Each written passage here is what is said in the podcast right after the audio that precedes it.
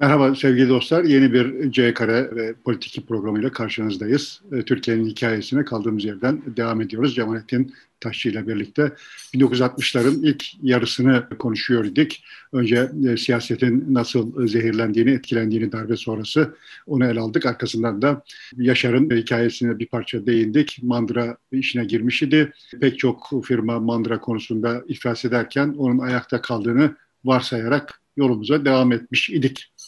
Şimdi oradan devam ediyoruz.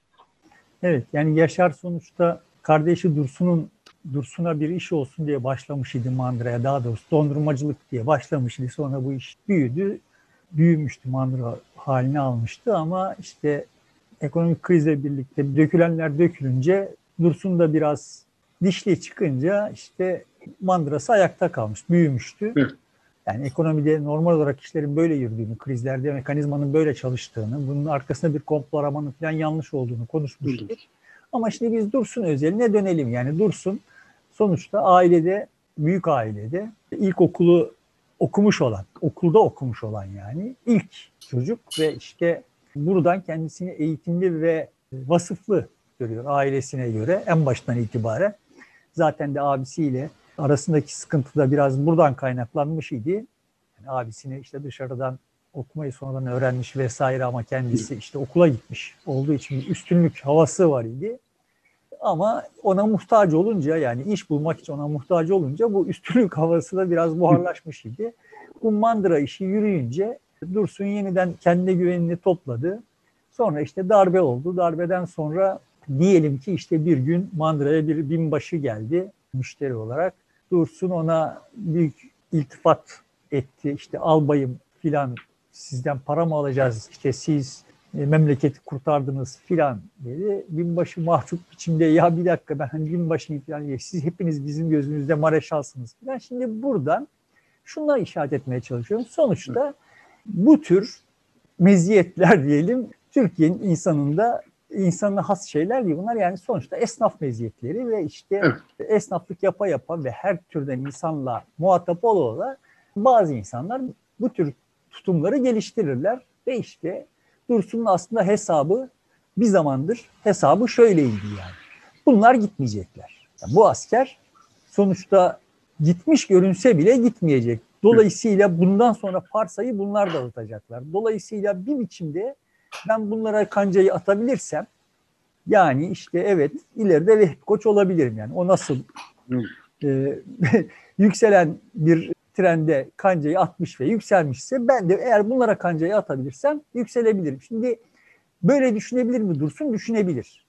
Yani o kadar aşağıdan başladığın zaman işler bu kadar kolay görünüyor olabilir. Yani. Şimdi kime kancayı atması gerekiyor? Askeriyeye kancayı atması gerekiyor ve işte gördüğü asker vesaire filan falan iltifat ederek işte bir kapı nasıl bulabilirim diye bakıyor. O arada akla şunlar geliyor yani ya bu koskoca hava ikmal var Eskişehir'de ve bunun da tedariki var yani. Buraya mal satsam yani çok, buranın çok. yağını ben satsam tamam köşe oldum yani. Yani Vehbi Koç olmasam da hani az kaldı oraya. Evet yani hiç olmazsa istikrarlı bir iş, düzenli e, parayı düzenli alacak ve e, pazar kaybolmayacak. Ordu evi var. Eskiden Ordu. işte hani daha önce söz etmiştim. Hilton Oteli olsun diye inşaatı başlatılmış. Tamamlanınca ordu evi yapılmış. Türkiye'nin muhtemelen o, dönem, o dönemdeki en e, lüks ordu evi. Böyle ordu. çok özel bir temel sistemi var çünkü Eskişehir'in altı su filan. Yani Eskişehir yıkılsa ordu evinin çivisi oynamayacak şekilde yapılmış bir bina. Bu bina ordu evi olmuş. Şimdi bu ordu evinin ihtiyacını karşılasam yine abad olurum filan ama bunlar nasıl oluyor, işte, bu işler nasıl oluyor onları da bilmiyor. Fakat böyle işte gelip giden müşterilerle vesaire onların ağızlarını yoklayarak, onlarla sohbet ederek filan falan işte bu işin mekanizması hakkında az çok bilgi sahibi oluyor. E, satın almacılarla bir biçimde irtibat kuruyor ve orada anlıyor ki yani bu işleri öyle Dursun'a tek başına yedirmezler. Ankara'da işte filanca var. O filanca da buna ortak olursa filan olmayacak işte değil ama görünüyor. Bunun üzerine Dursun Ankara'ya gidiyor. İşte o filanca ile tanışıyor. Onunla helalleşiyor ve onu da ortak yapıyor şirkete. Şirketi anonim şirket yapıyor. Abisine işte abisinin hisselerini miktara kadar düşürüyor. Abisinin bu işlere hiç aklı ermediği için de Yaşar'ın bu işlere e, hiç aklı ermediği için de Dursun ne yaparsa onu seyretmek zorunda kalıyor. Bir yandan Dursun'un kendisini dolandırıyor olduğunu yani Mandıra'nın kasasından para tırtıklıyor olduğunu biliyor, hissediyor ama bir yandan da Mandıra'dan gelen para bile Yaşar'ın kazandığı paradan daha fazla. Dolayısıyla yani Yaşar'ın aldığı maaştan, maaştan. Fazla, yani riski Dursun almış, Yaşar risk almamış. Dolayısıyla bütün bunlara göz de yumuyor. Dursun gelip işte böyle bir takım çok da biçimli görünmeyen işlere giriştiği zaman onu engellemeye çalışıyor ama Dursun hayalleri çok büyük. Yaşar bu hayallerin gerçekleşebilir olduğunu da farkında. Ve fakat bu askerle böyle içli dışlı olmaya da yanaşmıyor. Yani bu, bu da hoşuna gitmiyor. Yanaşmıyor diyebilirim. Hoşuna gitmiyor. Bak bunlar gidici oğlum bak işte seçim olacak gidecekler işte ya da seçim oldu bak işte tamam yavaş yavaş bunlar geri çekilecekler falan diyor. Sen hayal görüyorsun diyor Dursun öyle bir şey olmayacak. Bunlar bir daha hiç gitmezler diyor yani. İktidarın tadını alan bir daha hiç gitmez diyor. Ve bu minval üzere bizim mandramız büyüyor. Gerçekten de hava ikmalle bir takım anlaşmalar yapılıyor. Oraya bir takım şeyler satılıyor, satılacak. Bu kapsamda olmak üzere işte Dursun reçel işine de giriyor, turşu işine de giriyor. İşte Sarıcakaya'da bir takım çiftçilerle anlaşıyor, onların ürünlerini önceden kapatıyor. Bu işleri öğreniyor yani. Bu arada ama esas benim vurgulamaya çalıştığım hikayeye dönecek olursak olay şöyle gelişiyor. Daha önce söylemiştim. Asri kelimesi vardı. Modern yani aşağılayan, asri olanı aşağılayan bir asri kelimesi vardı. Sonra eşitleyen bir modern kelimesi onun yerini almıştı. Sonra çağdaş olanı, asri olanı yücelten çağdaş kelimesi gelmiş idi. Dolaşıma bu girmiş idi ve Dursun çağdaş olanlardandı yani işte. Zaten okumuş yazmışlığı olması itibariyle çağdaş. Üstelik de şimdi çağa ayak uydurduğu için de çağdaş. Dolayısıyla bu çağdaş kelimesini kullanıyordu. Ve fakat çok da içine sinmiyordu. Yani çünkü Dursun'un üstünlüğünü ima ediyor bu kelime ve fakat Dursun'un kendisine üstünlük sağladıklarını yani mesela tasladıklarını mesela abisini yeterince incitmiyor, yeterince aşağılamıyor. Çünkü Hı. çağdaşın karşıtı ne? O çok belli değil yani. Değil. İşte o dönemde dolaşıma Dursun'un imdadına yetişmek üzere ilerici kavramı girdi. Bu çok cuk oturdu. Dursun ihtiyacını cuk karşıladı yani. Böyle Dursun ilerici ve işte abisi, abisinin gibi olanlar, yengesi gibi olanlar gerici. Geç. Türkiye'de hikaye böyle döndü. Yani şimdiye oraya kadar bunların arasında böyle karşılıklı olarak birbirini dışlayan vesaire falan falan bir şeyler yoktu. Yani modernde de yoktu. Hatta çağdaşta da yoktu yani. Da da yok. Şimdi biz bunların içinde büyüdük. Bunların içine doğduk. Bunların içinde büyüdük ve zannediyoruz ki bu böyle ta Tanzimat'a kadar böyle gidiyor. Böyle bir şey olmadı. İlk defa 60 ihtilali sonrasında böyle karikatürize edilen biçimsiz bir gerici yani Türkiye'yi geriye götürmeye çalıştığı varsayılan birileri var. O birileri de durmadan arttı. Her ay onlara zam geldi. Yani enflasyondan daha hızlı yükseldi onlar. Yüzde on idilerse işte 30 oldular, 50 oldular. Sonunda 75'e kadar çıktılar yani. Bizim son dönemde bu 75'e kadar çıktı. Şimdi öyle bir Türkiye tablosu var ki bugünün gençlerinin kafasında Türkiye'nin %75'i gerici. Yani 70 %75'i gerici olan bir toplumla %75'inin hayal gücü olmayan bir toplumla zaten ne yapabilirsin ki yani? Yani toplumu böyle etiketlediğin zaman zaten maç bitmiş oluyor. Ama böyle değildi. Toplum böyle değildi. Toplum böyle görülmüyordu da. Zaten böyle değildi ve böyle de görülmüyordu. Ama hep yani birkaç programdır üstüne basa basa söyleme ihtiyacı hissediyorum. 60 ihtilalini meşrulaştırmak için orada bir suçlu bulunması gerekiyordu. O suçlu olarak toplumun bir kesimi etiketlendi ve o kesim hızlı bir biçimde genişledi. Onlar da gerici olarak kodlandılar. Biz biz seninle hatırlarsın sonuçta gerici kelimesinin çok baskın olarak kullanıldığı, çok yaygın olarak kullanıldığı ve herkesin yaptığı ilk falsoda ayağı ilk sürçtüğünde o gerici kategorisine düşebileceği kadar muğlak, belirsiz bir gerici kavramın içine doğduk. Orada büyüdük yani. İlerici... Evet o ilerici gerici ayrımında o kutuplaşmasında büyüdük ve dediğin gibi doğru gericiler hep büyüdüler, çoğaldılar, ilericilerse hep döküldüler, azaldılar. Evet. Ama onlar sayıları azaldıkça daha ilerici oldular yani. Dursun da mesela ileride o ilericilerden sınıf düşecek. Yani o ilericiler kadar ilerici olamayacak. Yani çünkü başka defoları çıkacak ortaya falan. Ama sonuçta şimdi o safhada Dursun ilerici. Bu ilericiliği zaten şeyden de belli artık. Para sahibi ve işte bir apartman katına taşınmış. Apartmanında modern mobilyalar var. Hatta bir de kitaplık aldı. Ama yani şimdi o kitaplığa ne koyacağını bilemediği için işte okur yazar bir arkadaşına sipariş verdi. O da ne tür kitaplar istiyorsun deyince işte bana 4 metre kitap lazım dedi. e ben bunları yaşadım bak. Hani buraya kadar gelenleri yaşamamıştım ama bunları yaşadım yani. Yani bana böyle kitap siparişi verildi yani. Yani 4 metre kitap siparişi verildi tanıdıklarım. Verildi yani. yani olaylar böyle gelişti. Şimdi ilerici Dursun sonuçta şehir kulübüne gitmeye başladı. Façayı düzeltti. Doğru dürüst terzilerin elinden çıkma doğru dürüst kıyafetler giydi. Foto şapkasıyla orada evinin önünde karısıyla akşamları piyasa yapmaya çıktı. Eskiden dondurma sattığı yerde şimdi dondurma alıp yemeye başladı falan. Böyle yaz akşamlarında olaylar böyle gelişti ve hatta nelere başladık? Yaz tatillerinde Erdek'e gitmeye başladık. Birkaç yaz sonra da Erdek'te bir yer sahibi olacağız. Ya da Kumla'ya gitmeye başladık. Eskişehir'den gidiyor olduğumuza göre. Filan. Şimdi böyle bir hayat tarzı ilericilik olarak muğlak bir biçimde tarif edildi ve bunların ağırlıklı bir kesimi askerle ilişkileri, orduyla ilişkileri pozitif tutma ihtiyacında idiler. İktidar onların elindeydi. Dolayısıyla bu ilericilikle orduculuk, orduyu kurtarıcı olarak görme vesaire filan gibi şeyler birbirine at başı gittiler. Beraber yol aldılar yani. Ama Türkiye toplumu... Yani zaten yani Türkiye'de pek çok aydın kesim en ilerici sınıf olarak orduyu görüyordu zaten. Türkiye'yi ileriye götürecek, en iyi eğitim almış onlar, en iyi Türkiye bilen onlar, dünyayı bilen onlar ve Türkiye'yi değiştirecek, dönüştürecek sınıf da onlardır diye hep öyle bakılıyordu. Evet.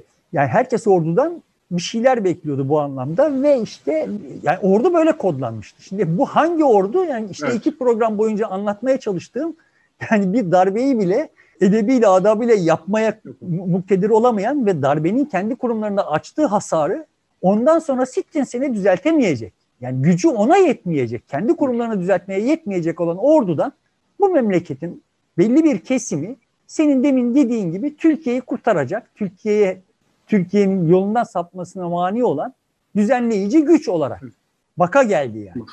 Şimdi bunun yarattığı hasarı ben yani yani benim bilim lisanın bunu e, yarattığı hasarı anlatmaya yetmez yani. Bu izleyenin hayal gücüne kalmış bir şey. Sadece şunu vurgulayabilirim. Bak bunlar yoktu. 60 ihtilalinden sonra önce ordu böyle bir ordu değildi Türkiye'nin kamuoyunda. Yani kimsenin umurunda değildi yani. Değil. Yani ordu oyunun dışındaydı. Yani Cumhuriyet'in kuruluşundan itibaren. Ta fi tarihinde konuştuk. Yani sonuçta Cumhuriyet kurulurken, meclis teşkil edilirken Kemal ya o siyaset ya askeriye demiş idi yani. Dolayısıyla askeriyeden gelmiş olanlar da askeriyeye müdahale etmeme adabına sahip idiler ya ya da Fevzi bunların sahiden de artık apoletlerini söktüklerini kabul gördüğü andan itibaren bunları içeri sokmadı. Yani dolayısıyla askeriye Türkiye'nin gündemine 1960'la girdi. Yani oraya kadar Türkiye siyaseti hakkında ahkam kesen herhangi birinin aklında orada bir ordu var falan gibi bir şey yok idi yani. Şimdi orduyu siyasetten çekmiş olan Atatürk kullanılarak şimdi Atatürkçü ordu ilerici ve siyaseti tanzim eden konuma e, geçmiş oldu. Evet işte burada o Atatürk'ün gölgesine sığınabilmek için Atatürkçülük evet. yeniden icat edildi. Yani Atatürkçülük de ortadan kalkmıştı, tedavülden kalkmıştı. Yani Kemalizm de tedavülden kalkmıştı. Yani Kemalizm 1938'de İnönü'nün emriyle tedavülden kalktı. Bir daha kimse Türkiye'de Kemalistim demedi yani. Zaten yeninle başı fena halde derde girerdi muhtemelen. Ama senin işaret ettiğin gibi şimdi 60'lardan sonra, 60'tan sonra bu sefer şimdi Kemalistin de denemiyor olduğu için Atatürkçülük icat edildi bu sefer. Evet. O Atatürkçülük ne mesela şimdi? Atatürk kazara 60 ihtilalini yapmış olanlar onu yaptıktan sonra mezarından kalkıp gelebilse bunları elinde değnekle kovardı. kovalardı. Yani o darbeyi yapmış olanlara, o generalleri o darbeyi yapmış olanları kurşuna dizdirirdi. O generalleri de asardı. Bunlar kurşuna dizilmeye bile hak etmiyorlar diye yani. Orduyu ordunun şerefini, haysiyetini beş paralık ettiler diye yapardı bunu. Hani ideolojik vesaire falan falan bir meseleden söz etmiyorum. Yani. Bir de yani e, Mustafa Kemal İttihat Terakki içerisindeyken de ordunun, ordu mensuplarının dernekten ayrılmasını, siyasetten ayrılmasını istemişti. Evet. Ya siyaset ya şey değil. Sadece Cumhuriyet'te değil yani daha ilk yıllarında da o görüşte olan birisiydi. Muhtemelen evet, yani. 60 ihtilalinde de aynı e, şeyi savunurdu. Dolayısıyla yani şimdi bu böyle e, Atatürk'le zerre kadar akrabalı olmayan, Atatürkçülük ne onu o konuda herhangi bir fikri olmayan, zaten herhangi bir konuda herhangi bir fikri olmayan bir takım adamlar bir şeyler yaptılar. Ama sonra bunu temizlemeye kalktıkça işte geçen programda dediğim gibi ilk düğme yanlış iliklendiği için onun üzerine bütün her şey böyle eklendi eklendi ve bunun sonucunda Türkiye'de dediğim gibi demin dediğim gibi muğlak ayağı ilk sürçenin içine düşebileceği bir kara delik olarak bir gericilik imal edildi. Yani Yaşar gerici oldu mesela. Şimdi niye gerici oldu? Yani Yaşar mesela işte namaz kılmıyordu, konuşmuştuk. Öyle pek dinle falan falan bir alakası yoktu ama yani işte sorduğu zaman elhamdülillah Müslümanım diyordu. Gerçi hani Dursun'a sorduğu zaman o da elhamdülillah Müslümanım diyor ama o namaz kılmamasını falan falan açıklayabiliyor yani şöyle açıklıyor. Yani bu bütün bu Müslümanlıktaki var olan şu şeylerin hepsi şekil şartı. Bu hoca kısmının icadı bunlar. Aslında böyle hiçbir İslam'ın beş şartı, işte şu kadar farz vesaire falan falan yok. İslam olmak, iyi insan olmaktır. Akıllı insan olmaktır. Ben de iyi insanım, akıllı insanım. Allah'ın bana verdiği akıl kullanıyorum falan gibi böyle kendince bir İslam İslam'ı zaten güçlü kılan, daha doğrusu bütün bu tek tanrılı dinleri güçlü kılan her isteyenin onu kendisine göre tarif edebilme kabiliyeti. Dursun da kendince bir İslam tarif etmişti ve elhamdülillah Müslümanım diyordu ama işte Cuma'ya gitmiyordu, namaza gitmiyordu, oruç tutmuyordu ve bütün bunları dediğim gibi açıklayabiliyordu yani. Evet. Şimdi Dursun kendisini ilerici olarak tarif ediyordu ve işte ilericiydi çünkü belli bir hayat tarzı vardı. E, Yaşar'ın hayat tarzı böyle değil. Yani Yaşar evet kardeşi eli para görüp de Yaşar'a da pay verince Yaşar da bir apartman katına çıkmıştı, konuşmuştuk. Annesini de getirmişti. Şimdi annesini getirmesine eski evine o gece konduğu tarzı kendi yaptığı eve annesini getirmesi imkansızdı. Çünkü karısı buna izin vermiyordu. Neden izin vermiyordu? Çünkü annesi gelse cinsel hayatları dahil her şey annesinin kontrolüne girecekti yani. yani bunlar uyumadan annesi uyumayacaktı mesela. Yani taciz edecekti vesaire falan falan. O kontrolü sürdürecekti. Perşembe gece, geceleri hariç Yaşar'la yalnız bile kalamayacaktı karısı. Dolayısıyla annesinin eski evlerine gelmesine sonuna kadar direndi. Ama apartmana taşındıkları zaman evet çocuklara da bakılacak. Annesinin gelmesine razı geldi. Çünkü ona ayrı bir odası var artık ve Dursun'la karısı çocuklarının da olmadığı bir şekilde yani kendi odalarını kilitleyip gece kendi hayatlarını yaşayabiliyorlar. Şimdi bu tür şeyler oldu o dönem itibariyle. Bunların daha önce sözünü ettim. Bunların önemli bir bölümüne Amerikanlaşma adı verildi abi. Halbuki bunlar Amerika'da da o o nesilde Ulaşır. oluyordu yani. Sonuçta Amerikalılar da o nesilde Amerikanlaştılar. Evet. Yani bunlar normal zenginleşmenin getirdiği ve insanlarda zaten var olan ama adı konamamış. Çünkü karşılanma ihtimali olmayan ihtiyaçların karşılanabilir olması. Belli, belli ölçüde de şehirleşmenin sancıları, doğal sonucu. Bunlar o şehirleşme sayesinde mümkün oldu zaten. Zenginleşme şehirleşme vasıtası evet. sayesinde oldu. Ve işte bu kapsamda hayatlar değişmeye başladı.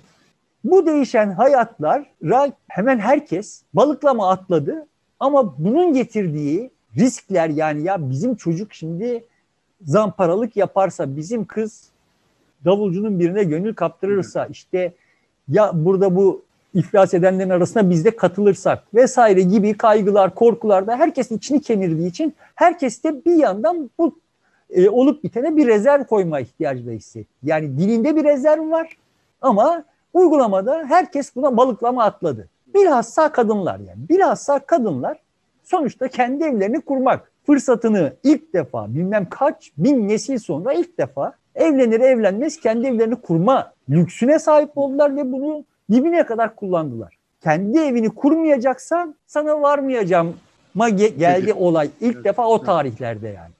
Şimdi bu bu çok devrimci bir şey. Bunun öteki türlüsüne hayal etmesi gerekiyor yine herkesin. Yani sonuçta evleniyorsunuz ve annenizin babası, babanızın evinde yaşıyorsunuz. Her şey onların kontrolü altında. Ancak sizden sonraki kardeşiniz, ondan sonraki kardeşiniz veya evlendiğinde artık eve sığmaz hale geldiğinizde sizin bilmem kaç çocuğunuz olduğunda falan siz ayrı bir eve çıkıp. çıkma şansına sahipsiniz. Ayrı bir eve çıktığınız zaman zaten kaç tane çocuğunuz var. Yani şöyle karı koca bir akşam yemeğini birlikte yeme şansınız hiç yok yani. Bütün bir hayat boyunca yok. Böyle yaşanan bir dünyadan şimdi evlenir evlenmez ayrı balayına gidilip gelinip ayrı bir eve çıkılan bir hayat tarzına geçilmiş. O dönemde oluyor bütün bunlar yani. Bu şu manaya gelmiyor. Türkiye'de bütün herkes böyle yapıyor manasına Yok, gelmiyor. Tabii. Şehirlerde ağırlıklı olarak artık mod bu olmaya başlamış. Yani asıl gerçekleşiyor olan şey bu. Öteki istisna yani. Şimdi bu şartlar altında bu sosyolojik dönüşümün yaşanıyor olduğu Türkiye'de neler oluyor? Kabaca şöyle bir hemen hemen üstünden geçelim. 14 Ekim 60 ile 15 Eylül 61 arasında yani tam 11 ay boyunca yassada duruşmaları sürüyor. Daha önce sözünü ettik. Büyük rezillikler, çiğlikler içinde. Hemen akabinde Zorlu ve Polatkan, ertesi günde Menderes asılıyor. Sonra seçime gidiliyor. Seçimlerde CHP daha önceki yani şeyden önce yükselen trendiyle 41'e kadar çıkmış olan CHP %36,5'a düşüyor. Diğer üç parti kalan oyları alıyorlar ama işte orada askeriye baskı yaparak Ali Fuat Başgili adaylıktan çektiriyor. Cemal Gürsel'i Cumhurbaşkanı seçtiriyor. İnönü'yü başbakan yapmak kaydıyla seçimleri tanıyacağını ihsas ediyor, ihtas ediyor ve Kasım'da da CHP-AP koalisyonu kuruluyor. AP'nin başında da işte bir asker olan, asker emeklisi olan Gümüşpala var. Bu Gümüşpala. şartlar altında Türkiye patinaj yapmaya başlıyor işte. Koalisyonla tanışıyor. İlk defa koalisyon hükümeti görüyor. Koalisyon hükümeti koalisyon hükümeti olduğu için değil ama yani askerin eli her safhada olayın içinde olduğu için vesaire zaten işte Milli Birlik Komitesi'nin üyeleri hala yani bir kısmını kurban vermişler ama kalanları oyunun içindeler ve kendilerini güvende hissetmiyorlar. Dolayısıyla her safhada olaya müdahiller ve e, bu koalisyon yıkılıyor. Bir başka koalisyon kuruyor İnönü. O da yıkılıyor. Sonra Süleyman Demirel. Ha bu arada şu çiğlikler, şu çirkinlikler oluyor. Yani zaten daha önce çıkmış bunlar. E, e, Menderes aslında kaçarken yakalandı. Yanında 12 uçak dolusu altın vardı. Filan gibi dedikodular yayıyorlar. İşte bizim gençlerimizi şehit ettiler. Bu şehit ettikleri gençleri kıyma makinesinde kıydılar, un ufak yaptılar, hayvan yemi yaptılar falan yalanları yayılıyor. Yani böyle sahiden hani bu, bugünü aratmayacak hikayeler yayılıyor. Şimdi bunlar sanki bu dönemde ve sadece belli bir kesimin marifetiymiş gibi anlatılıyor. Öyle olmadı yani. İşte 60'ta 61'de bunlar ciddi ciddi konuşuldu, yazıldı, çizildi ve hatta o kıyma yapılan gençler için hürriyet şehitleri şimdi 15 Temmuz şehitleri köprüsünden geçtim az önce. hürriyet şehitleri abidesi yapılmasına karar veriliyor ve fakat yani ortada hürriyet şehidi yok. Yok. Sonra işte bu polis tarafından öldürülen bir buçuk yıl önce polis tarafından öldürülen Turan Emeksiz artı işte bu 60 ihtilali sırasında serseri kurşuna kurban gitmiş 3 kişi filan hürriyet şehidi olarak onlara bir abide yapılıyor filan. Yani şimdi bizim gençler bu son gördükleri filmi böyle çok yeni bir film zannedebilirler. Öyle olmadı yani. Bu 15 Temmuz'un bir karikatürü aslında 1960'ta yaşandı yani. Ve ama işte bu hengame içinde siyaset kendince bir yol açmaya çalışırken Demirel 64'te Adalet Partisi kongresinde seçiliyor. Aslında işte kimse de seçilmesine ihtimal vermezken seçiliyor. Ama sonrasından siyasi kariyerinde çok başka safhalarda da tekrarlayacak olan bir böyle tutunu koparan edası var. O tutunu koparan edasıyla sahiden çok can siperhane bir mücadeleyle deve dişi gibi bir oyuncu olan Saadettin Bilgiç'i karşısında kazanıyor yani kongreyi. Ve kongreyi kazanır kazanmaz da o güne kadar AP'nin yapmaktan korktuğu türden bir muhalefet yapıyor. Diğer üç tırnak içinde sağcı partiyi örgütlüyor ve İnönü'nün e, bütçesini reddediyor. Böylece İnönü hükümeti düşüyor. Türkiye'de İnönü dönemi kapanıyor yani. Başbakan olarak İnönü dönemi kapanıyor. Demirel bu işleri yaptığında 40 yaşında. Genç birisi evet. Sonra Cemal Gürsel bu işi nasıl yöneteceğini bulamıyor. Yani diğer üç partinin bir koalisyonunu yapacak ama şimdi o parti koalisyonu da işte o askerden bir takım sıkıntılar çıkaracak. Bunların başına bir tane bağımsız görünen, tarafsız görünen Suat Hayri, Hayri Ürgüp adlı senatörü getiriyor. Orada bir geçici hükümet kuruluyor ve Galiba Süleyman Demirel o dönem milletvekili olmadığı için de başbakan olamıyor. e, Başbakan yardımcısı oluyor. başbakan yardımcısı oluyor. Ama muhtemelen milletvekili, yani başbakan olabilecek olsa da yapmaya cesaret edemeyecek. Yapmayacaklar. Evet. Bu da tabii Süleyman Demirel'in işine geliyor. Yani şimdi kendisinin başbakan olmadığı, olamadığı durumda partiden başka birisinin başbakan olması, yani tarafsız görünümlü olmayan birisinin başbakan olması veya diğer partilerin genel başkanlarının başbakan olması da işine gelmiyor Süleyman Demirel'in. Dolayısıyla bu formül Süleyman Demirel'in de hoşuna gidiyor, yani işine geliyor. Ve hızlı biçimde Türkiye seçime doğru gidiyor. 65 seçimlerine gidiyoruz. 65 seçimlerinin teferruatını Önümüzdeki programda görüşürüz. Peki Önümüzdeki programda 65 seçimleriyle seçime giderkenki hava ve seçim sonuçları sonraki yeni iklimi de konuşmuş oluruz. Aslında çok da Türkiye'ye Konuşuruz. takılıp kaldık yani. Bu dönem e, Dünya var, e, tabii. Dünyanın da çok hızlı değiştiği bir dönem. O- Ya da 65 seçimlerinden önce belki bir dünyaya açılabiliriz. Öyle de bir şey yapabiliriz. Onu önümüzdeki programda konuşalım. Tamam. Peki sevgili dostlar burada bitiriyoruz. Görüşmek üzere. Şimdilik hoşçakalın.